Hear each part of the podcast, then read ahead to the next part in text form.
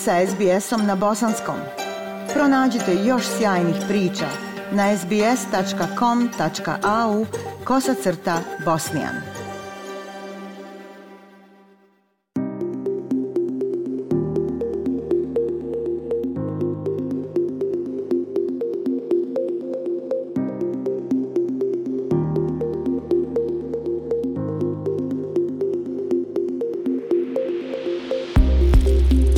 Slušate SBS program na bosanskom. Intenzivna debata o tome da li učenici treba da budu u stanju da koriste vještačku inteligenciju u učionici intenzivira se kako se škole na sjevernoj hemisferi pripremaju za novu školsku godinu. U Velikoj Britaniji stručnjaci koji savjetuju škole o tehnologiji kažu da je nastavnicima potrebna pomoć i smjernice kako bi razumjeli šta se smatra varanjem, a šta ne.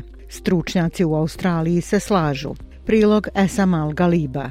Da li koristite umjetnu inteligenciju za obavljanje svojih radnih obaveza ili školskih zadataka? Da li to čuvate u tajnosti? Kako bi vaš šef ili učitelj reagovao kada bi saznao da umjetna inteligencija obavlja vaš posao umjesto vas? Maja Crofts, učenica šestog razreda iz Velike Britanije, nije nimalo zabrinuta oko korištenja nove tehnologije kada je u pitanju izrada domaće zadeće.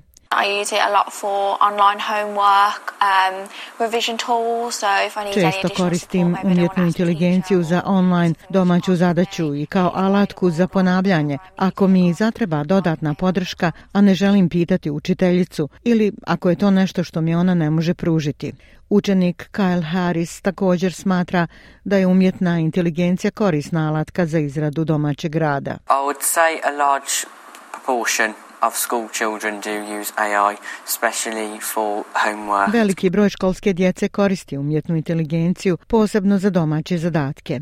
Međutim, istraživanje britanske firme RM Technology kaže da nastavnici nisu sigurni da li im je ugodno sa svojim učenicima koji koriste umjetnu inteligenciju. Kompanija savjetuje škole o tome kako uvesti tehnologiju u učionicu i kako koristiti informatiku za poboljšanje upravljanja školama. Provedeno je istraživanje na 500 nastavnika srednjih škola u Velikoj Britaniji. Rezultati su pokazali da 9% nastavnika nije moglo razlikovati rad učenika od rada koji su proizveli programi umjetne inteligencije. 41% nastavnika reklo je da želi bolju regulaciju umjetne inteligencije, dok je nešto više od trećine željelo vladinu intervenciju. Konsultantica RM Technology Mel Parker je bivša nastavnica matematike i bivša direktorica – ona vjeruje da se nova tehnologija može koristiti za poboljšanje obrazovanja, ali također vjeruje da vlada previše zaostaje u postavljanju novih smjernica o tome kako se može koristiti. Definitivno mora postojati državna regulativa, posebno sa tačke gledišta zaštite. Ona kaže da i nastavnici i učenici moraju razumjeti koja su pravila kada se koristi umjetna inteligencija. How can they learn from it? How can they get better understanding of concepts? But actually what is i učitelji i učenici moraju razumjeti pravila korištenja umjetne inteligencije. Potrebna je podrška kako bi se razumjelo kako bolje učiti iz toga, kako bolje razumjeti koncepte te razlike između varanja i ispravne prakse. U Australiji ministri obrazovanja složili su se u martu da uspostave nacionalnu radnu grupu za umjetnu inteligenciju kako bi razvili nacrt okvira za korištenje umjetne inteligencije u školama. Nacrt okvira predstavljen je ministrima obrazovanja u julu, a ministri su se složili da objave nacrt kako bi dobili savjete, povratne informacije i ideje od nastavnika, roditelja, učenika i drugih zainteresovanih strana. Ministar obrazovanja Jason Clare kaže da će ove rasprave pomoći u oblikovanju konačnog australskog vodiča za generativnu umjetnu inteligenciju u školama. Cilj je omogućiti školama, nastavnicima i učenicima da iskoriste prednosti umjetne inteligencije, ali i da se zaštite od potencijalnih problema. Judy Kay je profesorica informatike i vodi istraživački centar usmjeren na tehnologije usmjerene na čovjeka na Univerzitetu u Sidneju.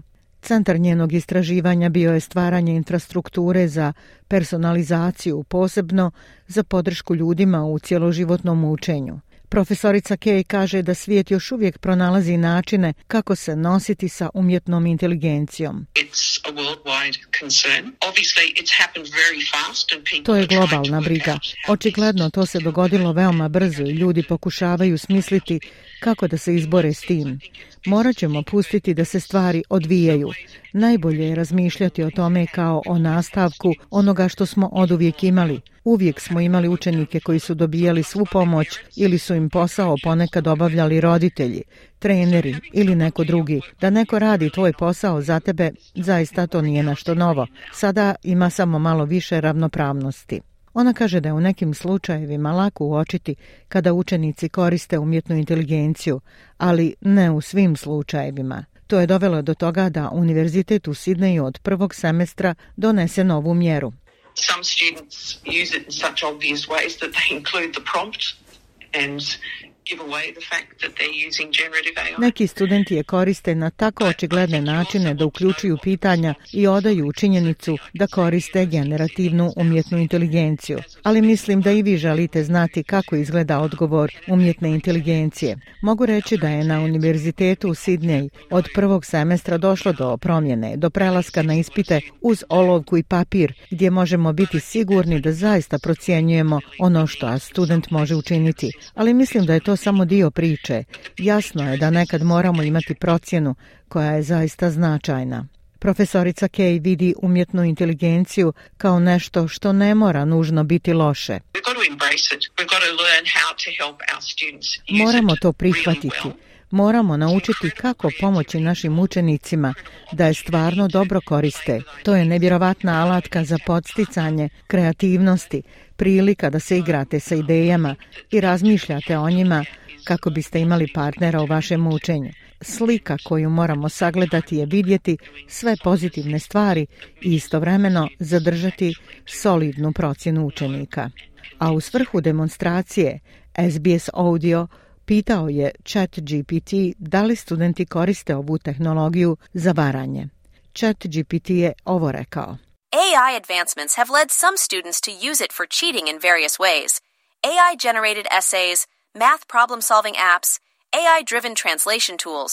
Razvoj umjetne inteligencije podstakao je neke učenike da je koriste za varanje na različite načine. Generisanje eseja uz pomoć umjetne inteligencije – Korištenje aplikacija za rješavanje matematičkih problema, prevođenja utemeljenih na umjetnoj inteligenciji, parafraziranje i prikrivanje plagijata, pomoć kod programiranja, pretraživanje odgovora za testove pomoću umjetne inteligencije, te čak potencijalno korištenje botova koji se predstavljaju kao učenici online. Nastavnici su često svjesni ovakvih praksi i preduzimaju mjere protiv njih. Uprkos privremenom poboljšanju ocjena putem ovih alatki, oni ne podstiču pravo razumijevanje gradiva i negativno utiču na dugoročni akademski i profesionalni razvoj. Ovaj odgovor generisan je pomoću umjetne inteligencije. Ja sam Aisha Hadži Ahmetović.